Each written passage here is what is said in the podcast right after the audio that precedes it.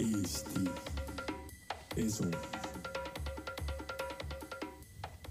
tervist, head kuulajad, alustab järjekordne Eesti Eso osa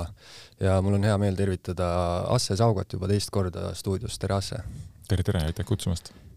Asse, sina oled tuntud kui krüptoraha mees ja krüptoraha ekspert ja selle võtakski täna teemaks krüptoraha mulle kui täiesti koopamehe ajule kõlab peaaegu esoteeriliselt, et ma saan sellest aru, et kui mul on mingi väärtus, mul on, ma ei tea, lehmakari, selle eest ma saan osta endale, ma ei tea, lambakarja või midagi, aga, aga et krüptoraha on iseenesest juba mingi sihuke paarteist aastat elus olnud, on ju, rahavaldkond, siis et mis asi see krüptoraha on või kuidas tekib sellele väärtus? jaa, väga hea küsimus. Raha kõigepealt üldse, mis asi raha on? raha on siis nagu noh, võib täiesti mitu, mitu vaatenurka rahal olla, aga võib-olla üks niisugune kõige arusaadavam või levinum vaatenurk on see, et raha on lihtsalt nagu neutraalne tööriist äh, väärtuse vahetamiseks, kui meil on mingisugune, mingid kaubad, teenused, siis äh, siis raha on, äh, on jah, nagu väärtuse vahetuse, väärtuse arvestuse ja ka maksevahendi nagu rolli kannab. Et see, need, need funktsioonid teevad siis sellest tööriistalt nagu raha, annavad talle nagu selle raha nii-öelda sertifikaadi või numbri mul tuleb ka selle..., mul tuleb ka pähe kohe selline mugavusasi, et see näide, mis ma tõin, et kui mul on lehmakari onju, aga siis mul on, ma ei tea, mingi peotäis kuldmünte, et mul on seda noh, sedasama väärtust on nii-öelda taskus väga kerge kaasas kanda, eks ju. just, just, et äh, et jah, kui me raha ajalugu vaatame, siis äh, kunagi, äh, kui raha veel ei eksisteerinud nagu sellises, sellisel kujul, nagu ta meil täna äh, müntide või, või digiraha puhul pangakaardina on, et siis oligi kaup kauba vastu, aga see oli jah, hästi nagu ebamugav, siis tekkis väärismetallid, kuld, mis ei, ei põlenud, ei roostetanud, ei hävinenud nii kiiresti, oli nagu ilus, on ilus ka ja, ja et et temast sai siis nagu selline universaalne väärtusvahetuse tööriist. ja, ja siis äh, edasi tekkisid veel universaalsemad, mida on veel lihtsam kaasas kanda, sularaha või paberiraha, mündid, ja see omakorda siis liikus äh, digitaalseks, äh, jällegi palju mugavam, lihtsam, ja, ja nüüd järgmine või, või praegu me elame siis jah, juba kaksteist aastat on meil au olnud äh, ähm, olla osa sellest protsessist, kus raha äh, on jälle muutumises ja ta liigubki siis digirahast, tavalisest digiraha rollist äh, äh, krüptorahaks. Ja põhiliselt noh, see on, seal on hästi-hästi palju muutusi, mis see kaasa toob, aga üks võib-olla suuremaid muutuseid on see, et kui digiraha on ikkagi äh, vajab äh, keskset juhtorganit selleks, et ta opereeriks, selleks, et ta saaks toimida ja see keskne juhtorgan on siis kas keskpank või, või pangandus üldse, pangandussüsteem, nagu traditsionaalne finantssüsteem. siis krüptoraha, äh, krüptorahas on see keskne roll, mis tegelikult on usaldusteenus, äh, et pank pakub meile usaldusteenust, et pank väljastab meile rahatähed ja kui me selle rahatähe vastu võtame, siis me tegelikult tarbime nii-öelda usaldusteenust, et äh, me saame selle rahatähega kuskil noh, üle riigi igal pool või üle Euroopa maksta ja garantii, et tal väärtus on ja et ta hoiab väärtust, annab meile seesama pank. Äh, aga kui see pank sealt ära võtta, siis on küsimus, et kes seda usaldust tagab. ja krüptoraha puhul ongi siis see usalduse tagaja on asendatud matemaatikaga, mis on, mis, millest tuleneb sõna krüpto, krüpto, krüptograafia on tegelikult äh, Äh, selline mm, keerulisem matemaatika. ja, ja ta tagab ka turvalisuse, usaldusväärsuse ja ta asendab siis tegelikult inimfaktori seal vahel mm. -hmm. et ta aitab kinnitada, ta on teatud kindel protsess, kuidas seal ülekandeid kinnitatakse, kõik on hästi, kõik on avatud äh, ja matemaatika on siis noh, seal on nii-öelda matemaatilised reeglid ja matemaatika on selles mõttes huvitav nagu nähtus, et ta on tegelikult äh, Äh, algklassidest alates meile kõigile, kogu inimkonnale üheselt äh, arusaadav keel, seal ei ole nagu teisiti äh, tõlgendamist. kaks pluss kaks võrdub no neli ja kõik. kui just mitte minna mingisugusele väga kvanttasandile, kus üks osake on ühes kohas ja järsku enam ei ole, et siis on ja. see, siis hakkavad need reeglid, ütleme, natuke seal ujuma, onju. just, see, see läheb juba metafüüsikaks, mis on, mis on teine valdkond, kus ma, millega ma ka toimetan. aga, aga jah, ühesõnaga see on siis nagu see põhiline erinevus ja sinna peale tulevad veel siis nagu muud äh, sellised nähtused, et, et tal on ka näiteks noh, eks krüptorahasid on üle seal, ma ei tea, kaheteist, kolmeteist tuhande tuleb ja läheb neid äh, tänaseks ja, ja neid on väga lihtne luua ja, ja tööle panna. Äh, aga siis ka näiteks rahaloome protsess on hästi palju erinev, kui on traditsionaalsel rahal. Traditsionaalne raha, eriti on see praegusel ajal väga nagu popp teema, kus inflatsioon on, on üle kõrguste igatpidi ootustelt ületanud ja, ja hinnad on kallid igal pool ja, ja noh, see kõik oli ette teada, aga, aga ikkagi, et raha väärtus tegelikult põleb ja, ja see on seotud siis raha nagu loomise poliitikaga, kuidas uut rahasüsteemi juurde prinditakse. Ja see on täna suhteliselt ainus äh, metoodika, kuidas üldse majandust äh, juhtida läbi, läbi rahanduse. No kas ei ole mitte kuidagi süsteemi kirjutatud, inflatsioon, ma mõtlen, et kas ei ole süsteemi kirjutatud faktor, et kui me toimetame on ju kapitalistlikus maailmas, siis äh, selle eelduseks on ikkagi on ju kasv ja ja noh, nagunii mul see leiva hind millalgi peab kasvama, on ju ja, ja seetõttu siis ma ei saa, on ju, selle ühe euro eest enam leiba, et ma pean ostma nüüd kahe euro eest, ehk siis mul on nagu noh, raha väärtus on ju langeb samas. jah, see iseenesest kasvul kui sellisel ei ole nagu,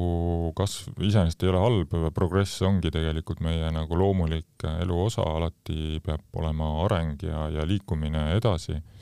mitte stagnatsioon ja, sest universum ka kasvab ja laieneb ja see on igal nagu erinevates dimensioonides, kõikides erinevates skaalades. aga nüüd, kuidas seda kasvu nagu siis äh, manageerida ja juhtida ja kuidas seda äh, majanduse ja inimeste nagu teenimiseks rakendada, see on, see on teine küsimus ja ja praegu see kasv on äh, nagu päris, päris julmalt äh, üle forsseeritud, võimendatud, selle all kannatab äh, äh nii äh, erinevad klassid, inimesed, ehk siis alamklass ja keskklass võidab ainult, keskklass isegi hävineb päris suuresti, võidab ainult eliitklass sellest, selle peale noh, eliitklassi poolt ongi see kapitalistlik süsteem täna nagu üles ehitatud. Ja, ja ta on noh, paratamatult on disainitud niimoodi, et ta sinna on kokkukukkumine sisse kirjutatud mm. -hmm. sellepärast, et ähm, see on ka üks huvitav nagu nüanss, mis ma just hiljuti kuskilt, kuskilt artiklist äh, kellegi quote oli see, et äh, et, äh, et kui kapitalism ja kui praegune majandusmudel toimib selliselt, et äh, äh, rahandus juhib ressursse mis tähendab seda, et meil on, noh, meil on majandus, meil on mingid ressursid, meil on äh, erinevatel riikidel oma ressursid, meil on maavarad, kogu, kogu see nagu, millest majandus ja inim, inimressurss, millest majandus koosneb ja siis on finants on seal kõrval, aga finants dikteerib kõike seda. siis, äh, siis täna me liigume tegelikult äh, ja krüptorahandus on selle nagu oluline juhtiv roll, me liigume siis sinna, transformatsioon käib sinna poole, kus äh, ressursid hakkavad rahandust dikteerima ja see on tegelikult palju jätkusuutlikum ja palju õigem. et on ka selline majandusmudel, sellised majandusmudelid, mis on palju rohkem äh, orienteeritud siis ressurssidele, ongi resource-based economy on üks äh, kontseptsioon juba seitsmekümnendatest välja töötatud, on, on ringmajandus, mis ka on hästi ressurssidepõhine. et, äh, et see on tegelikult palju õigem viis, kuidas, kuidas majandust juhtida mm. -hmm. ja, ja krüptorahad loovad sellele väga äh, väga selged, väga võimsad tööriistad, kuidas seda kõike teha mm. -hmm. minule kui krüptoraha võhikule proovi selgeks teha, et kuidas see krüptoraha väärtus ikkagi tekib, et ma tean, ma tean seda, et on ju, et Bitcoini saab kaevandada, minu jaoks on see nagu noh, täiesti mingi võõras keel, et ma ei saa, mis, ma ei saa aru, mida see tähendab, onju. ja, ja teine asi on see, et siis ma tean, et erinevaid neid coin'e ja Bitcoin'e ja kõike saab osta, ehk siis ma panen ikkagi sisse seda, seda nii-öelda meie klassikalist raha sinna ja siis mulle tundub, et see justkui ikkagi annab sellele krüptorahale väärtuse et, et millest tekib see krüptoraha nagu väärtus või kuidas, kuidas on niimoodi, et ma panen kümme euri sisse ja siis kas ma nagu kaotan selle või, või see kasvab mul mm? -hmm kõigepealt on hea siin tähele panna, et on, on, hind ja väärtus ja need on kaks erinevat asja. hind on see, mis sa näed äh, turul, äh, mille taga on siis tavaliselt nõudluse pakkumise suhe ja ka seal on ka väga palju spekulatsiooni ja mulli tavaliselt sees kuna alati kohtades, kus on äh, avalik äh, vaba turg, äh, paratamatult on ka seal inimesi, kes selle pealt erinevatel viisidel kasu üritavad lõigata, ehk siis spekulaatorid. Ja siis on väärtus, mis on nagu selline mm, realistlikum hinnang äh, siis konkreetsele varale. ja tavaliselt väärtus on, jah, väärtus on realistlikum, hind on vähem realistlikum ja võib-olla kõigub rohkem ja seal on jah, rohkem spekulatsiooni sees Äh, et äh, aga, aga noh, see, see, see jah, nagu ma ütlesin, hind tuleb siis tavalistelt nagu turgudelt, kus on nõudluse-pakkumise suhe ja palju kauplejaid ja ja, ja siis kaevandamine on, on see protsess, kuidas siis uut äh, väärtust või uut seda nagu krüptoraha võrku juurde luuakse. aga noh, kaevandamine on ka üks äh, üks mitmest äh, protsessist, et neid, äh, kuidas seda uut krüptoraha luuakse, äh, neid on erinevaid, on, on tavaliselt nagu juurde nii-öelda mintimine ehk siis fikseeritud summa luuakse näiteks mingi hetk ära ja siis vaikselt mingite erinevate metoodikatega saadetakse see turule, seal on noh, seal saab minna hästi keeruliseks, seal on spetsiifilised protokollid erinevatel tingimustel, näiteks väljastada, väljastab protokoll automaatselt uue hulga äh, Äh, krüptovarasid. Äh, et äh, aga kaevandamine iseenesest on siis jah, selline, kus on see raha, uue raha nagu loomise mehhanism on siis seotud turvateenuse pakkumisega ehk siis ülekannete kinnitamise nagu teenusega, et, et ülekannete kinnitajad on siis kaevandajad ja nemad saavad, kuna see ülekannete kinnitamine on selline matemaatiline töö, võtab palju elektrivoolu ja ressurssi, siis äh, selleks, et äh, need ülekannete kinnitajad ja kaevandajad oleksid motiveeritud seda tegema, äh, protokoll siis automaatselt väljastab mingi aja tagant siis kindla hulga krüptoraha neile mm. -hmm. Need, kes on õnnestunud, kes on õnne, kellel on õnnestunud siis mingi hulk neid ülekandeid kinnitada et ühesõnaga, see on justkui nagu premeeritakse neid inimesi, kes seda süsteemi siis on ju üleval üldse hoiavad. just, Mm. et see on, see on selline nagu baaskontseptsioon, millega Bitcoin turule tuli ja, ja seda, seda siis kasutatakse väga paljudes erinevates krüptovarades ja ja noh, kogu seda valdkonda siis nimetatakse tokonoomikaks, mis seda kirjeldab ja, ja uurib ja, ja jah, selline uus nagu teadusvaldkond ökonoomika kõrval on siis tokonoomika sa mainisid enne siin usaldust, et, et krüptoraha on justkui sihuke usalduse diil põhimõtteliselt, et, et ma saan sellest aru, et miks on, on ju kuld on väärtuslik, et seda on lihtsalt väga vähe, seda on raske kätte saada, on ju. ja, ja see kuidagi selle kulla väärtus mulle tundub, et noh, kui me mõtleme seda ressursina, siis tegelikult tal nagu noh, ütleme eluks vajalikku äh, väärtust nagu väga ei ole, et sa saad hakkama onju ilma kullata, sul on noh, pigem on onju söök ja sellised asjad vajalikud mm. -hmm. aga, aga siis kuna teda lihtsalt on nii vähe, siis äh, paratamatult inimest, inimesed nagu lepivad kokku, et mida vähem seda on, seda väärtuslikum see on onju mm. -hmm. et äh, krüptoraha puhul, et et seal on nagu, mulle tundub vähemalt, et, et kas seda on nagu siis äh, võimalik äh, lõputult äh, uusi krüptorahasid teha, kaevandada, et siis justkui, kas selle väärtus nagu langeb? jah, kulla puhul veel, veel see, et lisaks sellele, et teda on väike kogus, teda on ka väga keeruline kopeerida ja, ja teda, ja ta säilib kaua. Need loovad talle ka selle nagu unikaalsuse ja aga siis äh, krüptoraha puhul on see unikaalsus, jah, unikaalsus on üks hästi oluline osa sellest väärtusest äh, või, või siis mitte unikaalsus, vaid see scarcity, mis ta eesti keeles on äh,. haruldus. haruldus, jah mm. -hmm et äh, seda nüüd tasub vaadata siis krüptoplatvormi spetsiifiliselt, et Bitcoini näiteks on, see ongi protokolli sisse disainitud, on kokku võimalik kakskümmend üks miljonit üldse luua võrku, praegu on need seal vist, ma ei tea, kas üheksateist miljonit, kuskil seal üle üheksateistkümne. ja, ja rohkem, no see on matemaatiline reegel, rohkem neid ei olegi võimalik luua ja seda protokolli ei ole võimalik muuta ka, et et, et see loob talle selle nagu harulduse mm -hmm. ja, ja, ja selle piiratud hulga, et kui me vaatame traditsionaalset raha, siis seal see piiratud hulk puudub, seal on, seal on siis äh, väärtust või, või hinda siis reguleeritakse äh, erinevate kraanidega, majanduslike kraanidega, intressidega pangandussüsteemis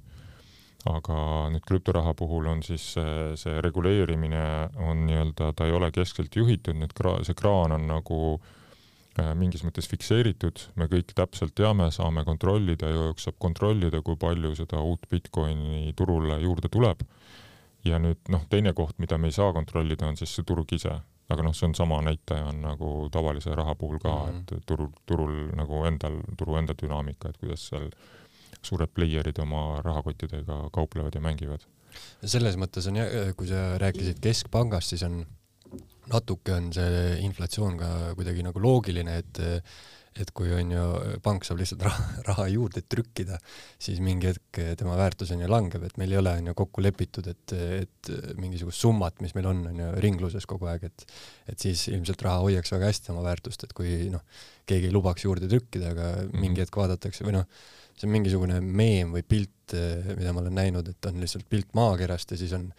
kirjas, et kui palju on maakera eh, võlgades onju või võlgu noh ja siis eh, tekib küsimus, kellele onju. just, et see on päris, päris hull olukord ja rahanduses, mis meil tegelikult täna siin eksisteerib ja ma isegi imestan, et see on see on, see on nii kaua kestnud ja, ja veel rohkem paneb imestama, et ka koroona elas üle, et et aga nüüd äh, see sõda ja tulevane energiakriis ja toidukriis ja noh, need kõik ikka keeravad veel omakorda vinti peale ja ja noh, inflatsioon on juba kohal päris jõhkralt, et, et nii dollari kui euro ja noh, kahjuks Eesti riik on meil siin tipus oma, oma mm -hmm. nagu erinevate otsustega. siin on üsna kallis elada tõesti aga eh, kui ma mõtlen, eh, sa mainisid, et Bitcoin on kokku kakskümmend üks miljonit või saab, on ju, eh, kaevandada või tekitada nii-öelda ja praegu on üheksateist miljonit, et kui, kui kiiresti need Bitcoinid tekivad või mis aja jooksul see kakskümmend üks miljonit täis saab? see protokoll on selliselt tehtud, et äh, alguses oli ta kiiremini ja, ja mida aeg edasi, seda aeglasemaks on see tempo läinud äh,. selle prognoosiga, et mida aeg edasi, seda populaarsemaks äh, see Bitcoin läheb ja krüptorahad lähevad. ja ehk siis seda rohkem nõudlus kasvab äh, nagu turu poole pealt ja siis teiselt poolt pakkumine läheb jällegi nagu äh, väiksemaks, see raha nagu juurde tekitamine turule läheb väiksemaks. et äh,, et seal on jah, omad sellised nagu nutikad äh, äh majanduslikud äh, äh, valemid kasutusele võetud, et, et seda jätkusuutlikkust nagu hoida. et siis päris nagu ette ei saa ennustada, millal see kakskümmend üks miljonit täis saab? ei, see on täpselt ette ennustatud, see läheb sellise valemiga, et algselt oli see viiskümmend Bitcoini igas kümnes minutis äh, aastal kaks tuhat ähm, üheksa siis äh, umbes neli aastat hiljem, ta vähenebki kaks korda iga nelja aasta tagant, ehk siis neli aastat hiljem, noh, mitte täpselt neli aastat, umbes seal nelja aasta kanti. aga jah, umbes neli aastat hiljem läheks ta siis kahekümne viie Bitcoini peale igas kümnes minutis, siis ta läks kaheteist poole peale, täna on ta kuus koma kakskümmend viis ja, ja vist kui järgmine kevad äkki läheb ta siis, mis ta siis on, kolm koma kolm koma kaksteist jah, kaheteistkümne midagi peale mm. -hmm. ja, ja ta vähenebki siis äh, jah, umbes iga nelja aasta tagant, kuni siis viimane äh, saja miljondik ehk kõige väiksem ühik Bitcoini on siis välja kaevandatud mm. -hmm. no selle, selle jutu põhjal mulle tundub nagu hästi lihtne loogika see, et ilmselt kui see nagu äh, kakskümmend üks miljonit kätte hakkab jõudma või see periood on ju, et kui ta on lähedal, siis eh, ma kujutan ette, et selle väärtus eh, lendab lakke, sest ilmselt eh, siseneb ka väga palju neid samu spekulante on ju turule, kes, kes siis ostavad Bitcoini, kuna noh, see saab kohe otsa põhimõtteliselt. Ei, see tegelikult, kuna see protokoll on kõigile teada täpselt ja, ja, ja see dünaamika ja kõik on nagu näha, siis tegelikult sellist paanikat äh, ei tule, sellepärast et äh, see on kõik täpselt ette teada, mis toimub, kuidas, kuidas see liigub ja kui palju juurde tuleb. et äh, mis, mis, mida, mis mustrid on näha, on äh, siis, kui block halving toimub, ehk siis seesama moment, kus äh,, kus viiekümnest sai kakskümmend viis, kahekümne viiest kaksteist pool ja nii edasi. seda nimetatakse block halving uks ehk siis äh, ploki äh, mm, kinnitamise või ülekannete kinnitamise see auhind äh, läheb kaks korda väiksemaks, siis sellele järgnevad, kuna see on nagu sündmus umbes iga nelja aasta tagant, millest kõik räägivad, äh, see ületab uudistekünnise, jälle Bitcoin block halving, jälle teenustasud vähenesid, siis seal tekivad sellised nähtused, et äh, kaevandajad natukene vaatavad oma, oma siis ärimudeleid jälle, tuunivad, räägitakse sellest hästi palju ja tavaliselt mingisugune kas pool aastat või, või mõned kuud või mingi, mingi aeg hiljem siis on näha, kus äh, krüptoraha hind jälle hakkab tõusma ja kerkima, et, et noh, mingid sellised nagu mustrid on mm -hmm. näha selle, nende hetkedega. aga sellist üldist nagu paanikat, äh, noh, see kakskümmend üks Bitcoini saab äh, olema välja kaevandatud alles aastal kaks tuhat ükssada nelikümmend. et sinna mm. on veel päris palju aega no sinna ikka on jah siis. Aga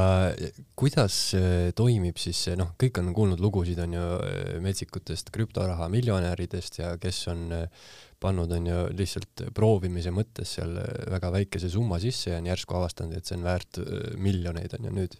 et kuidas see, kuidas sellised nagu niisugused hüpped või kuidas see siis, ütleme, hind kasvab, et kas see sõltub sellest, et mida rohkem inimesi nii-öelda krüptoraha turule üldse siseneb et kui ütleme, mul alguses võib-olla oli ainult äh, sajal inimesel Bitcoini onju ja siis järsku äh, tahavad tuhat inimest seda, noh siis on arusaadav, miks see nagu äh, hind üles hüppab onju mm. -hmm. et kas see sõltub inimestest? jah, põhiliselt inimesed ongi see kõige suurem jõud või, või see nõudlus, et nüüd küsimus on jah, et kuidas see tekitatakse, et seal on hästi palju erinevaid meetodeid, et kuidas äh, on, on palju selliseid võlts, võltssüsteeme, on ju väga palju skämme äh,, mis siis äh, kunstlikult tekitavad nõudlust ja, ja siis äh, päris nagu inimesed või kasutajad siis vaatavad, et nõudlus on tipus ja ostavad veel juurde, võimendavad, siis on no, erinevad bot'id seal turgude, turgudel toimetavad nagu mängud äh, või, või jah, suuremad mängijad, äh, spekulandid, äh, turundusosa on väga suur, seal räägitakse palju, erinevad turundusmaterjalid, et seal on, see on hästi jah, kirev maailm, kuidas seda mm. nagu nõudlust tekitada. ja seda tekitab ilmselt ka see, kui noh, võib-olla siin inimesed on kuulnud, kui mingisugune noh, ütleme siis staatuslik inimene avalikult on ju ostab Bitcoini või ükskõik mis krüptoraha, et kui Elon Musk teeb mingisuguse ostu, siis ilmselt kohe väärtus tõuseb on ju, sest ja. väga paljud järgivad tema eeskuju on ju. jah, loomulikult jah, influenceritel on oluline roll ja aga noh, kõige loomulikum nõudluse kasv on ikkagi äh, siis äh, see päris nagu väärtuspakkumine et jah, kahjuks on väga palju niisugust nagu võltsi ja niisugust igasugust nagu mm, skämmi ja äh, ja võltsnõudluse tekitamist, aga noh, mille pealt ka nutikad äh, võivad, saavad teenida õigel ajal õiges kohas õigeid otsuseid tehes. aga, aga selline loomulik äh, nõudlus tuleb ikka päris nagu väärtuspakkumisest, äh, ehk siis sealt, kui päriselt krüptoraha lahendab mingeid probleeme, mingi, mingi konkreetne platvorm pakub mingit uut väärtust, et saad kas, noh, kõige lihtsam väärtuspakkumine on see, et et kui sul on vaja, ma ei tea, Bangladeshist äh, USA-sse kümne minutiga raha saata, siis ähm, siis TransferWise ei pruugi toimida või see Wise on ju täna äh,, mis need äh, UnionPaid ja, ja need asjad on seal kakskümmend, kolmkümmend protsenti teenustasu ja noh, lõpuks jääbki tegelikult ainult krüptoraha. ja, ja krüptorahaga on see väga lihtsalt ja väga odavalt tehtav mm -hmm. ühest, äh, ühest arengumaast teise arengumaadesse, ühest äh, ühest äh, maailma otsast teise maailma otsa siis raha saatmine, et see on, see on kõige lihtsam väärtuspakkumine, aga seal on, seal on nüüd veel, et on kapitalikaitse, on äh, väärtuse hoidmine, on äh, erinevad tehnilised funktsionaalsused, on kogu DeFi valdkond, millest ma ei tea, kui palju me täna jõuame rääkida, aga mis on täiesti eraldi nagu väga kiiresti, väga võimsalt arenev äh, valdkond, mis on siis põhimõtteliselt äh, krüptorahade peale ehitatud äh, kogu finants, uus, täiesti uus finantsmaailm. laenude, optsioonide, bondide äh,, aktsiate äh,, kõikvõimalike erinevate finantstoodetega mm. -hmm. kui, kui mõelda selle peale, et et mulle tundubki praegu sinu juttu kuulates, et et selline metsik hüplemine käibki võib-olla inimeste äh, noh, inimesed tahavad, on ju, rikkaks saada krüptoga ja siis käib selline üles-alla hüplemine, on ju, aga et eh, niimoodi noh, kui vaadata, on ju, pikemat perspektiivi, et siis nagu hakkab tekkima, noh, inimesed hakkavad järjest rohkem aru saama, et krüptoraha ongi tulevik ja siis ta ikkagi niimoodi tasapisi koos suurte hüpetega, on ju, ikkagi läheb nagu ülespoole mm. -hmm. et eh, kui ma praegu, praegusel hetkel mõtlen, eh, siis siin on alles hiljuti oli, on ju, suur langus et Bitcoin langes seal, noh, ma ei tea, mis protsendid, aga umbes, et mingi kuuekümne tuhande pealt kahekümne peale onju. ja siis eh, ma mõtlengi, et eh, kui ma nüüd eh, olen selline tulevikku vaatav inimene, kes tahaks krüptorahaga nagu praegu juba asjatada, et siis on mingis mõttes ikkagi hästi keeruline, et ma tahaks, onju, ma ei tea, oma mingi äripartnerile saata, onju, kaks Bitcoini aga noh, siin paari kuu pärast on see kaks Bitcoini nagu äh, meie praeguse majandussüsteemi nagu valguses on ju täiesti noh, langenud metsikult, et et lugesin ka hiljuti, et vist oli see El Salvador, mis kuulutas Bitcoini enda nii-öelda riiklikuks rahaks, et kuidas nagu sellist äh, siis eh, hüplemist nagu vältida või kuidas hakata nii-öelda eh, päriselt toimetama Bitcoinis, mitte lihtsalt sinna on ju raha sisse panna siis kas investeerimise mõttes või, või selle mõttes, et sealt on ju kiiresti rikastuda või mm -hmm. et, et kuidas niisugune nagu niisugune pika perspektiivi areng võiks toimuda? jaa, väga hea küsimus, et see hüplemist, seda nimetatakse teisisõnu ka volatiivsuseks, äh, et see on täiesti normaalne nähtus ja, ja see nähtus esineb äh, Äh, esineb siis, ähm, ta läheb üha väiksemaks, kõik need volatiivsed krüptovarad lähevad üha stabiilsemaks, mida rohkem massi sinna juurde tuleb. ehk et äh, mida väiksem see mingi krüptoplatvorm konkreetne on, seda tundlikum ta on igasugustele äh, hinnamuutustele, igasugustele uudistele ja, ja, ja välis nagu mõjuritele et aga mida rohkem sinna massi kasutajaid juurde tuleb, seda rohkem suureneb ka inerts ja see volatiivsus läheb väiksemaks. aga, aga teine lahendus sellele probleemile on kõikvõimalikud erinevad siis äh, stabiilsusrahad. Inglise keeles on ta noh, stablecoin või, või ka asset või, või noh, mingi tara, varaga nagu tagatud äh, äh, rahad ja, ja see on, see on praegu ka väga nagu tugev trend ja kiiresti arenev trend, et siin on olnud palju tagasilööke, võib-olla noh, Terra oli üks kuulsamaid siin hiljuti, mis äh, kokku kukkus täiesti. Terra oli natukene valesti disainitud, aga põhimõtteliselt idee on siis selles, et, ähm, et äh, on, et meil on see reaalne majandus, meil on siin mingid varad, meil on, ma ei tea, mets, meil on kinnisvara, kuld, meil on noh, hästi palju on neid selliseid äh, traditsionaalseid stablecoin'e on ehitatud ka dollari ja euro peale, mis siis on põhimõtteliselt krüptorahasüsteemis äh, dollari või euroga tagatud krüptovara, millega sa saad krüptoraha maailmas siis krüptovaradega koos nagu tehinguid teha ja saad seal äh, Äh, laenu võtta ja tagatisena kasutada ja noh, igasugu hästi-hästi äh, lihtsam, hästi palju lihtsamalt äh, toimetada. aga, aga siis jah, järgmine faas on, ma ise, ise töötan ka meeskonnaga, töötame välja siis sellist krüptovara, mis, mille hind on nüüd otseselt süngitud ärikinnisvaraga. et ta ei ole tagatud nüüd kinnisvaraga, ta ei ole otseselt nagu äh, et see, selle krüptovara omanik ei saa kinnisvaraomanikuks, aga meie roll, keskne roll on siis see, et äh, me hoiame hinda ärikinnisvaraga, ärikinnisvara hinnaga siis süngis. mis tähendab seda, et krüptovaraturgudele tekib äh, üks stabiilne, stabiilse hinnaga äh, krüptovara juurde, millel on kõik krüptovara omadused, ta on kiiresti saadetav ühest kohast teise, ta protokoll on avalik Äh, turvaline, äh, korruptsioonirisk on miinimumini viidud, et kõik sellised nagu Bitcoinile omased äh, plussid ja nähtused, aga lisaks on tal siis see, et ta hind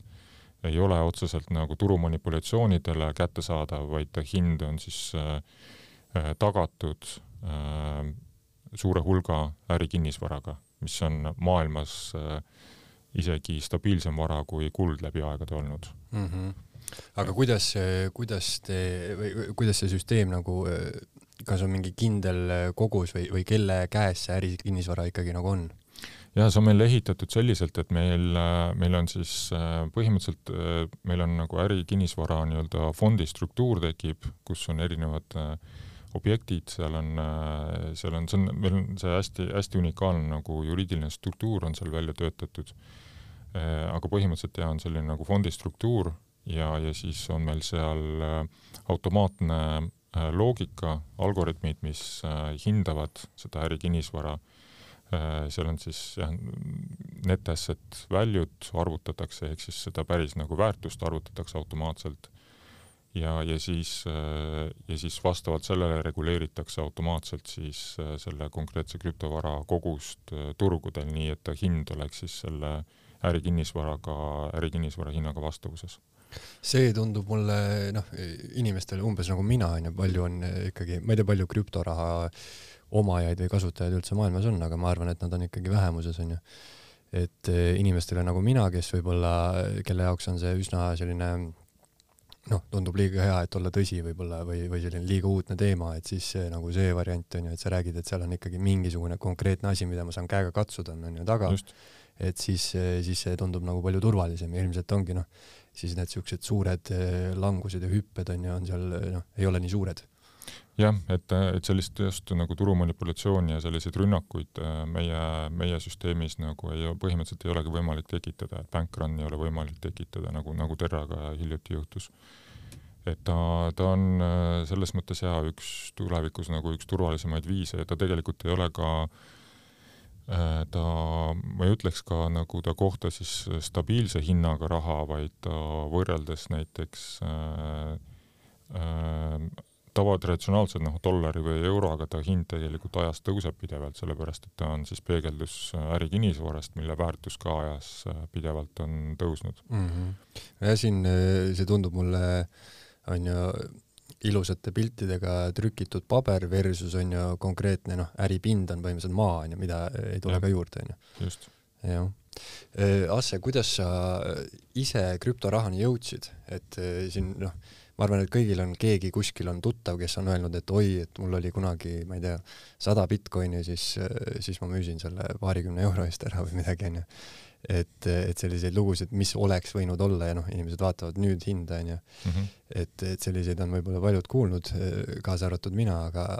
aga millal või, või kuidas sa ise hakkasid vaatama, et, et see on nagu mõistlik krüptoraha kui selline üleüldse? aasta siis oli kaks tuhat kolmteist, kui ma esimest korda tutvust tegin, aga esimene kord ei olnud piisavalt veenev, siis, siis oli teine kord ja siis vaatasin natukene sügavamalt sisse, siis ma võtsin, läksin paanikasse, esimene suurem buum oli see. Läksin paanikasse, võtsin kiiret kiirlaenu ja ostsin tipust ja ostsin kolm Bitcoini endale ja, ja siis äh, väärt-, kaotas, kaotas väärtust äh, üheksakümmend protsenti mingi paari kuuga. Mm.. ja ilmselt see äh, kallis õppetund oli see trigger minu jaoks, et ma võib-olla muidu ei oleks nagu otsustanud midagi, aga see oli niisugune korralik äh, õppetund, et, et mis mõttes nagu, et niimoodi kaotasingi, et kurat, ei saa niimoodi toimida, noh, ja siis ma mm, otsustasin, et teen, teen selgeks endale selle asja ja siis mida rohkem ma aru sain, kuidas ta töötab, siis seda rohkem ma sain potentsiaalist aru ja ja sealt edasi tegin otsuse, et, et see on minu järgmise perioodi valdkond, kuhu ma oma energia fokusseerin mm. -hmm. no mulle tundubki, et sellised noh, on, on ju kiired rikastumislood, et inimesed on noh, saanud mingisuguseid täiesti maagilisi summasid järsku onju. Ja siis on samamoodi on need kukkumislood onju, et kui sa üheksakümmend protsenti onju kaotad ja eriti kui sa oled võtnud kiirlaenu, siis siis on onju halvasti. aga jah, et, et siuksed, siuksed lood, et inimesed niimoodi noh, ütleme stabiilsemad edulood, aga pikemaajalised ongi siis neil, kes hoiavad seda krüptoraha või, või vaatavad seda onju nagu noh, pikkade aastate valguses, mitte ei ürita onju võib-olla mingi äh, poole aasta raamistikus mingisugust paari miljonit tek endale tekitada onju. just, see on tegelikult, see läheb palju sügavamale, et noh, kui me vaatame suuri lotovõitjaid, siis suhteliselt reegel on, et see, kes saab kiiresti miljonäriks, lõpetab ka päris sügavas pankrotis, et see on, noh, töötan ka energeetika, metafüüsika valdkonnas ja, ja see on, seal on omad nagu sügavad sellised põhitõed, et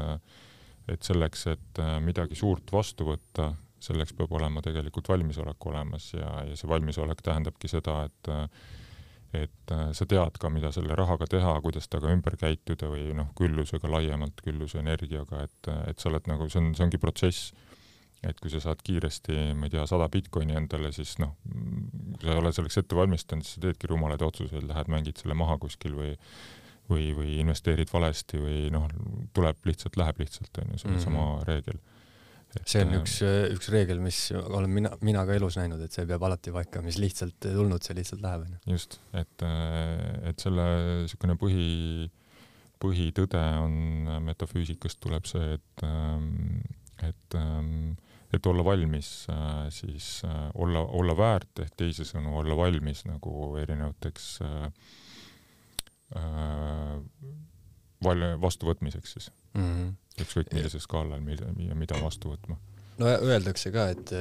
et inimene, kes väga kiirelt rikastub, et siis see et see inimene ei muutu tegelikult onju, vaid, vaid see toob nagu välja onju tegelikult või noh, võimendab seda, mis inimene see juba on, et mm, -hmm. et mhm. siis sa nagu noh, kui mul järsku tekiks, on ju, paar miljonit pangakontol, et ega ma oleks ju täpselt samasugune edasi, et jah mm -hmm. ja see, see olla valmis või see vastu, valmis vastuvõtmiseks, see tähendabki seda, et see on protsess ja see on tegelikult töö iseendaga, jõuda sinna punkti. jah, kõik, mis on väärtuslik, nõuab on ju tööd ja ei Just. tule kergelt, on ju. aga kui nüüd äh, mõni inimene meid kuulab ja mõtleb, et äh, kas sa, lihtne soovitus, kas sa soovitad enda raha panna krüptorahasse? praegu tundub see nagu hästi kahtlane, kui siin on just suured langused olnud ja ma soovitusi ei anna, aga kui minul oleks äh, investeerimissoovitusi, siis äh, et kui minul oleks vaba kapitali, siis siis praegu on just kõige õigem aeg, et noh, ta tavaliselt on õige aeg ikkagi investeerida siis, kui kõik müüvad ja õige aeg maha müüa siis, kui kõik ostavad. et äh, praegu natukene siin globaalsete majanduslike äh, kõikumiste taustal on võimalik, et Bitcoin või üldse krüptovarad veel natukene on seal ruumi nagu alla tulla, aga noh, pikas perspektiivis jällegi ei ole, ei ole see nii oluline, sest tegemist on ikkagi väga tugeva tulevikuvaldkonnaga ja, ja noh, ka viie aasta perspektiivis on see potentsiaal seal meeletu, et et pigem on just ikkagi praegu nagu õige aeg mm -hmm. investeerida ja osta, mitte siis, kui, kui äh, kui kõik turud, ostavad. kui kõik ostavad, kui turud, turgudel uudistes räägitakse, kui, kui taksojuhid räägivad, et äh, siis on pigem nagu aeg müümiseks ja see tuletab mulle meelde seda, mis räägitakse vee joomise kohta, et päeval, et kui sa tunned, et sul on janu, siis sa oled juba nagu dehüdreeritud, et siis noh, joo ikka vett, aga siis on nagu selles mõttes juba hilja, vaata. et sa pead kogu aeg vaikselt jooma, onju. Mhm aga jah, ma mõtlengi, et, et siin see on nagu huvitav just see nagu noh, isegi see spekul-, spekulantide mängu vaatamine, et see on minu arust nagu hästi põnev sihuke psühholoogiline mäng, just see, et et kõik inimesed nii-öelda ühendavad oma käed, kõik on ju ostavad, asi tõuseb, tõuseb ja siis kuskilt otsast natukene nagu hakkab lõhenema ja siis inimesed lähevad metsikult paanikasse, et siis ongi, et sihuke, kui üks lõhe kuskilt tekib, siis on nagu metsik kukkumine onju või siis jah, niisugune külakuhi, et mida ehitatakse kuskilt ja siis kui keegi paneb nagu jala valesti, et siis hakkab järsku kukkuma. jah, need näitavad siis seda nagu mulli nõrkust, et ja see on, see on igal pool turgudel samamoodi mm. toimib. no kui sa tulevikku vaatad, siis äh, siin ongi noh, nagu ma aru saan, siis kõige olulisem erinevus krüptorahal ja siis meie eurodel näiteks on see, et sealt on ära lõigatud see keskpank siis ütleme onju et eh, kui sa tulevikku vaatad, kas sa kujutad ette endale süsteemi, kus eh, keskpanka ei olegi, vaid ongi selline inimeste käes eh, krüptoraha siis? jaa, muidugi äh,. tulevikku, see, see võib siin viis aastat või, või, või dekaad, dekaad aega võtta äh,. aga tuleviku maailma majandust ma näen sellisena, et äh, ilmselt mingi roll nagu pangandussüsteemil ikkagi jääb, keskpanga roll oluliselt väheneb ja ja arvatavasti tekib nagu selline äh, äh, hübriid siis krüptorahanduse maailmast, kus on innovatsioonifaktor on oluliselt suurem, inimfaktor on palju-palju väiksem ja siis on selline mingi fundamentaalsem nagu tõesti, kuid, kuid palju-palju õhu, õhukesem kui meil tänane nagu majandus, niisugune nagu riigipõhine ma, äh, majanduse juhtimine käib. aga ja oluliselt õhu, õhukesem ja, ja ka, et noh, tegelikult ta on ikkagi, mulle tundub, ta on kaduv trend, sellepärast et äh, peamised põhjused on see, et, äh, et äh, see automatiseerimise tase mida on võimalik krüptorahanduse tehnoloogiatega teha, sellega mitte, mitte kunagi ei ole võimalik jõuda sellise tasemeni siis äh, keskse süsteemiga. et äh, kõik see matemaatika, protokollid erinevad, on võimalik täiesti uued nagu sotsiaalmajanduslikud struktuurid üles ehitada väga lihtsalt, väga odavalt äh, selle krüptoraha tehnoloogiate peale ja, ja noh, kuni isegi riigi juhtimiseni välja, plokiahel riigi juhtimises kasutada demokraatiasüsteemid, kõik need ja, ja siis see omakorda ka veel maksusüsteemiga ära siduda. et see on lihtsalt, see potentsiaal on nagu niivõrd meeletu seal, et, et keskpank ja üldse pangandusstruktuur üleval hoida on lihtsalt nagu jõhkralt kallis selle kõrval ja ja ka ebaturvaline ja korruptsioonile, erinevatele rünnakutele avatud et, äh, et ma näen, et on jah, mingisugune üleminekuperiood, kus on nagu mõlemad eksisteerivad koos, aga, aga hiljem lihtsalt need äh, pangandusstruktuurid äh, ka on määratud muutumisele ja noh, juba täna on see trend on näha, kus pangad ka vaikselt implementeerivad oma back-office'is, oma süsteemidesse siis krüptoraha tehnoloogiat sisse ja noh, see transformatsioon niimoodi Parksi käib juba taustal mm, -hmm. et see liigub sinna üle, et et see, see kõige suurem väljakutse ja muutus saab toimuma inimeste endi peas, kes peavad ära andma väga palju kontrolli ja ja, ja lahti laskma väga paljust äh, dogmadest ja, ja mustritest ja sest äh, sest äh, uus tehnoloogia lihtsalt on, on siin selleks, et palju efektiivsemalt ja paremini neid protsesse juhtida kui ma mõtlen eh, keskpanga peale või üleüldse sellise panga kui organisatsiooni peale, siis eh, noh, mingis mõttes on see ikkagi ju inimestest koosnev organism onju ja, ja mina kui lihtsalt üksikinimene olen ka organism ja siis ma vaatan, et onju eh, inimesed rikastuvad, onju, kõigil läheb hästi, see on tulevik, et, et kas keskpank või sellised suured organisatsioonid või kasvõi riigid onju et kas nad kuidagi seda ära ei saa lörtsida, et keskpangal on hästi palju raha, et ma ostan kõik Bitcoinid ära järsku, et ma tahan noh, kontrolli üle võtta, onju. Õnneks ei saa jah, et äh, on seda üritatud ka, Bitcoini on ka, ma arvan, et päris kindlasti Bitcoin on täna maailmas äh, kaugeltki kõige turvalisem süsteem, sellepärast et teda on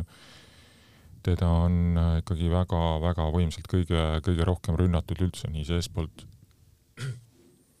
nii, nii seestpoolt kui väljaspoolt äh,, nii sotsiaalsed äh, social engineering ute kaudu kui ka tururünnakud ja manipulatsioonid ja noh, Bitcoin on ainult suuremaks kasvanud sellest ja tugevamaks saanud. ja sama teiste krüptorahadega ja isegi kui äh, kui, kui õnnestub mingi krüptoraha nagu pea peale keerata ja katki teha, mida, mida on ka väiksematega tehtud, siis noh, need on kolmteist tuhat veel et äh, see on nagu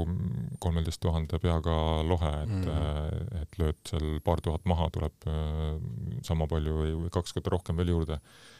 Et selles mõttes tehnoloogia on jäänud, on, on nagu olemas, seda enam kuskile karpi tagasi ei topi ja isegi ka nagu Hiina, kes äh, siin üritab kontrollida ja, ja keelata ja ja noh, lihtsalt mis Äh, parim, mida nad saavutavad sellega arvatavasti on see, et äh, konflikt siis tarbijaga ja, ja lihtsalt väga suures mahus musta turgu, musta turgu ja, ja reguleerimatut turgu. et ja lõpuks noh, see ikkagi suures perspektiivis ei vii kuhugi, sest jällegi innovatsioon on see, mis tegelikult loob kõige rohkem ja mis edasi viib ja innovatsioon saab ainult toimida selles, sellises olukorras, kus on läbipaistvus ja usaldus ja, ja need on need väärtused, mille peal kogu krüptorahandus äh, just töötab mm. -hmm. ma mõtlengi et, et noh, kindlasti sinna ju noh, kui Hiinast, Hiinas on krüptoraha illegaalne, eks ju? või jah ja, ja täpselt ei mäleta, kuidas need regulatsioonid seal on, aga kaevandamine vist on nüüd äh, illegaalne ja, ja kasutamine Aha. ja üsna jah, kinni on keeratud seal. no ma mõtlengi, et, et siuksed äh, suured organisatsioonid, organismid äh, tahavad sealt onju nii-öelda käpa vahele panna, et ongi, et noh, kui ma kunagi panin sisse võileiva hinna ja nüüd ma tahan võtta välja enda maja hinna onju, et ma olen su suuresti kasu teeninud, siis noh, iseenesest see on ju tulu onju, peaks makse maksma. Mm, -hmm. aga, aga noh, et kuidas siis riik nagu, kuidas ta saab mul sealt krüptoraha tuludest, ütleme siis oma maksud kätte, ega ei saagi, noh. No ei, tulevikus on see ka tegelikult tehnoloogia abil kõik lahendatav, et, et saab sinna teha nagu spetsiaalse, noh, põhimõtteliselt kogu äh, Äh, kogu raamatupidamise saab automatiseerida väga lihtsasti, et äh, ma olen siin natukene seotud ka ühe, ühe projektiga, mis, millel on, mis on võtnud sellise väljakutse, et, et kogu siis krüptorahanduse investeering, krüptorahadesse pandud investeeringute raamatupidamine siis automatiseerida mm. -hmm. Et see on, krüptoraha maailmas on see võrdlemisi lihtsasti tehtav. Ja kui sul on raamatupidamine automatiseeritud, sul on põhimõtteliselt noh, kui meil äh, see maksudeklaratsiooni äh, saatmine käib täna nupuvajutusega juba, juba vist kümme aastat on ju, äh, Eestis on see ainulaadne, siis, siis krüptorahandus loob selle olukorra, kus sul on ka kõikvõimalike teiste deklaratsioonide saatmine ja, ja aastaaruannete tegemine on nupuvajutus ainult mm. -hmm et äh, see on, see on ka nagu see potentsiaal, mida krüptorahandus võimaldab ja mida pangandus, traditsionaalne pangandus kunagi ei saa võimaldama, sellepärast et äh, seal on lihtsalt, need printsiibid on teised, pangad ei usalda üksteist, informatsioon ei liigu nii hästi, läbipaistvus on äh, väga piiratud ja, ja seal ongi seda manuaalset tööd ja standardid on, on ka teised ja manuaalset tööd on oluliselt rohkem. No kui me krüptorahast räägime, siis äh, kõik äh, muidugi teavad Bitcoini, aga sa mainisid, et see on äh, kolmeteist tuhande pealine lohe onju. et kuidas üldse uus krüptoraha tekib ja kuidas ma inimesena neil vahet teen, et, et mis on, mis on nii-öelda usaldusväärne ja mis mitte uut krüptoraha võib igaüks endale mõne, mõne tunniga äh, koduarvutis või läpakas valmis teha kuskil kohvikus, et äh, see ongi ka väga selline suur võimas paradigma muutus, et kaksteist aastat tagasi ei olnud see veel mõeldav, aga kõigest kaksteist aastat, et, et see on ja, ja noh, täna on nagu igalühel võimalik paari tunniga oma raha luua, omanimeline raha. et, et see oli isegi nagu illegaalne onju, täna on see lihtsalt tehtav aga siis väljakutse on lihtsalt see, et, et kuidas sa välja paistad, kuidas see turundus sinna taha tuleb ja, ja mis, millist äh, väärtust sa pakud. et, äh, et äh, selle tokeni või, või krüptoraha sa võid valmis teha, aga kui siis on järgmine väljakutse sinna kasutajad peale saada mm. -hmm. et, et see on siis, see turundus on nagu kõige suurem väljakutse tavaliselt ja turundusega kaasneb ka siis see väärtuspakkumine ja see, kas sa, kas ta on üldse kasulik kellelegi ja, ja midagi, midagi toodab või, või loob mm. -hmm no inimesed siis põhimõtteliselt ikkagi peab taha saama, siis tekib onju asjal ka see noh, see usaldusväärtus või see onju. just, jah mm, -hmm. et see on see kõige, kõige suurem väljakutse tavaliselt. ja samas jah, kõige mingisugused noh, mingisugune krüptoraha, millest ma kuulsin, oli noh, mul on hästi raske nagu seda mõista, aga ma sain aru, et see on lihtsalt tehtud mingisugune meemide krüptoraha, mis oli siis äh,, oligi selle, selle ühe koera pildiga Shiba Inu või, või Doge, Dogecoin, mõlemad on. ja see mingi Jaapani koer mm. -hmm. või, või Jaapani pärane nimi oli, aga, aga ja siis ma nagu ei saanud aru, et mis, mis asja, mis, mis asja nüüd tehtud on, onju, et mingisugune pildile on tehtud põhimõtteliselt krüptoraha ja, ja noh, ikkagi noh, jälle metsikud miljonid ja inimesed olid seal jõhkralt taga nagu. ma küll ei tea, mis sellest nüüdseks on saanud, aga, aga see tundub mulle täpselt selline, et noh et see on lihtsalt niisugune nagu juba meelelahutuslik asi, mida, mida jälgida, aga samas ka võib-olla natuke niisugune gamblemise asi on ju, et inimesed ikkagi panevad oma raha sinna sisse ja siis vaatavad, on ju jaa, meemcoin'id on täitsa eraldi nähtus, et see ongi suuresti väga, väga riskantne, aga, aga noh, on võimalus seal võita ka ja, ja nagu sa ütlesid, jah, gamblimine mm. -hmm et aga noh, jah, kuidas, kuidas kindlaks teha, milline coin see nagu päris või milline võlts on või et noh, üldiselt, kui CoinMarketCap on üks populaarsemaid veebilehti, kus, kus neid siis nagu saab hinnata ja analüüsida, et seal on päris palju infot iga siis platvormi, iga coin'i kohta. ja noh, mingisugune, ma ei tea, top viiskümmend, top sada on ikkagi suhteliselt need, kes on mingisuguse leveli nagu läbinud oma elutsüklis ja, ja pigem nagu turvalisemad ja, ja mõistlikumad, noh, top kümme on ikka päris juba sellised tegijad äh, konservatiivsem nagu konser-, konservatiivsemale krüptoinvestorile võiks see top kümme olla päris äh, turvaline valik aga seal need tõusud on jällegi väiksemad, äh, suuremad tõusud on jah, seal nagu tagumistel coinidel. et äh, siis on äh, noh, valdkonnad, milliseid probleeme nad lahendavad, et on, on lihtsalt tavalised rahad, on mingi tarkvara arendussüsteemid, on DeFi ehk siis Decentralized Finance'i platvormid, krüptovarade platvormid on siis need stablecoin'ide valdkonnad või, või siis noh, mingi, mingi varaga nagu seotud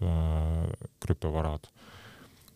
mis on siis just head, mille, mis kannavad just seda rolli, et et seal on hea nagu pikemaajaliselt kapitali hoida, kui krüptovaraga turgud on parasjagu hästi volatiilsed. Ja, ja siis on jah, noh, erinevate valdkonna, valdkonna spetsiifilised, kes, äh, mis, mis lahendavad mingisugust konkreetset probleemi, näiteks supply chain'is äh, mis see supply chain, tootmis, tootmisliinide või tootmis nagu protsesside optimeerimiseks loodud äh, mingisugused plokiahelad, mis, mis seal nagu väärtust liigutavad näiteks või või, või, või muusika, NFT on eraldi valdkond täiesti, et ma töötan ka koos, koos LimeWire'iga, mis on siis äh,, äh loob NFT-de, tuli välja just hiljuti NFT äh, tokeni kauplemisplatvormiga äh, muusikutele ja mm, -hmm. ja mhm. loojatele, kunstnikutele. et ka täiesti eraldi alamvaldkond NFT tokenid. Et, äh, et see on hästi-hästi kirev maailm ja, ja seal tasub äh, ringi, äh, ringi vaadata, et leida endale mingi meelepärane. kui, kui seotud omavahel need krüptorahad on, et ütleme, mulle tundub, et kui Bitcoin tõuseb, siis kõik tõusevad ja noh, need määrad on võib-olla siis erinevad, kui palju nad tõusevad, aga aga kas ütleme, investeerimise mõttes või raha paigutamise mõttes, kas on eh, seesama põhimõte, et ei ole mõtet osta ainult ühte, et sa ikkagi natuke nagu jagad ära? jaa, mõistlik on ikka jagada, et, et nad noh, üldiselt, üldiselt nad ikkagi on päris seotud, sellepärast et Bitcoin on tavaliselt see nagu kõige laiem, kõige suurem värav krüptorahanduse maailmasse olles kõige tuntum ja, ja ka erinevatel turgudel kõige suurema dominatsiooniga kuni, kuni üle viiekümne, seal viiekümne, kuuekümne protsendi vahel vist on ta praegu, täpselt ei mäleta, no kuskil seal, ühesõnaga kaugelt kõige, kõige suurem krüptovara, kõige suurema äh, turumahuga. järgmine on Ethereum ja, ja siis tulevad sealt edasi Äh, et, äh, et nad on jah, üldiselt nagu käivad ikkagi äh, sünkroonis, välja arvatud mõned üksikud erandid mm. -hmm. kes Bitcoini tegi? Ma tean, et sellega on seotud mingi legend, et seda keegi veel ei teagi, et kes see oli ja kas tõesti inimene on kaksteist aastat suutnud oma identiteeti niimoodi varjata ja see on äge, äge müstika ja see arvatavasti võimalik, et see jääbki müstikaks ja, ja see teeb omakorda nagu selliseks äh, veel huvitavamaks kogu selle valdkonda, valdkonna. et äh, Satoshi Nakamoto on siis nagu looja nimi äh,. Et noh, on erinevaid spekulatsioone läbi käinud siin läbi aegade, kes see isik võiks olla. et täna ikka vist kõige tõenäolisemaks peetakse ühte Austraalia turva äh,, mitte turva, siis äh, arvutiteadlast äh, Greg Wrighti, kes äh, noh, avalikkusele veenvalt siiani ei ole suutnud tõestada, et tema on Satoshi Nakamoto, aga noh, aga ta üritab päris, ta, ta üritab ja, ja päris paljudele ta on tegelikult veenev, veenvalt tõestanud, et äh, minul isiklikult pole ka siiamaani olnud nagu vastupidist äh, uskuda, aga mm -hmm. suurem nagu enamus maailmast äh, tahab endiselt arvata, et äh, et see müstika on seal kuskil ja, ja see isik on teadmata, et äh, et äh, noh, on, on nagu on, et selles mõttes on huvitav olukord, et ega see näitab väga ilmekalt, kuidas äh, detsentraliseeritud süsteem, mida krüptorahandus on, ei vajagi äh, inimest, asutajat või loojat, et ta toimiks hästi. et Satoshi tegi oma töö kunagi ära, paar aastat ta töötas, lükkas selle kogu protokolli, kogu asja käima ja siis ta kadus pildilt ja ja, ja täna siis äh, on see terve suur võimas ökosüsteem sinna ümber kasvanud. Ja kui siin äh, spekuleerida ja noh, mina, kes sellest midagi ei tea, siis siis võiks äh, mõelda, et see oli äkki hoopis äh, tehisintellekt onju, et keegi tark mees lõi sellise tehisintellekti ja siis tehisintellekt vaatas, et ahaa, mis meil maailma kõige suurem probleem on, rahasüsteem on täiesti jabur onju, teen, teen uue raha onju. No kui niipidi mõelda, siis tegelikult kui sinna esoteerikasse ja metafüüsikasse minna, siis, siis siin on oma tõetera sees, et tegelikult äh, kõiksugu innovatsioon, leiutised on seal kuskil mm, kollektiivses infopilves nagu hõljuvad ringi ja, ja siis manifestatsioon tegelikult, see on tead, noh, kindel protsess, kuidas manifestatsioon käib, aga aga läbi äh, meie inimesed oleme need, kes nagu siia infot nii-öelda alla toovad maa peale. Ja, ja, ja siis äh, need, kes on siis äh, noh, kui mingi asi on valmis tulema ülevalt alla, inimkond on selleks valmis, siis valitakse välja nii-öelda või süsteem ise kuidagi seesama tehisintellekt mingil moel nagu valib välja siis teatud nagu sellised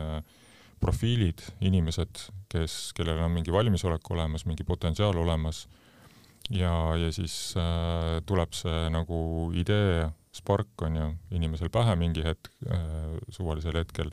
ja see võib juhtuda mitmel inimesel korraga üle maailma, seda, need on, tõestusi on ka olemas isegi noh, aegadest, kui meil äh, kontinendid olid eraldatud äh,, informatsioon ei liikunud mitte mingil moel, siis olenemata sellest on erinevates kontinentides on püramiidid näiteks ja erinevad mm -hmm. arhitektuursed lahendused ja püha geomeetria ja no kõik, noh, need on hästi palju ajaloost on teada seda ja, ja siis äh, lihtsalt üks tüüp oli nagu piisavalt valmis ja, ja suutis oma äh, egost ja, ja väljakutsetest nagu läbi minna ja, ja kogu selle koodi siis, selle Bitcoini nagu koodi äh, praktikasse panna ja arvutisse kirjutada ja tööle panna ja nuppu vajutada ja, ja, ja siis... see on ka nagu, et õigele mehele võib-olla jõudis see mõte pähe, onju, et kui mingisugusele lukksepale jõuab võib-olla seesama mõte, aga no tal on lihtsalt oskused puuduvad, et see asi on ju süsteem tööle panna, onju. jah, ja mõnel teisel oli võib-olla mingi, mingi muu segaja tuli vahele ja, ja et, et noh, see jah, tööt-, töötab niimoodi, igasugused ideed. Ühise, ühise selle alateadvuse teema on eh, päris aktuaalne, mul käis siin saates Kristjan Port,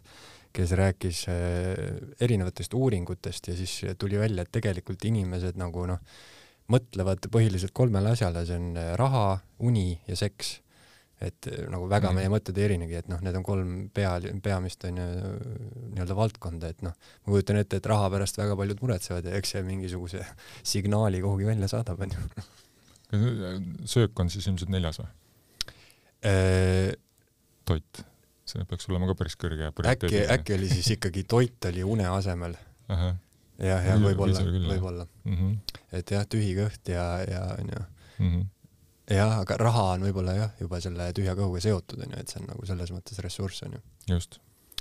aga igatahes aitäh, Ase, et äh, rääkisid meile krüptorahast ja siis äh, vaatame, mis tulevik toob, et äh, varsti on võib-olla siis need kupüürid üldse kadunud onju raha, rahakoti vahelt.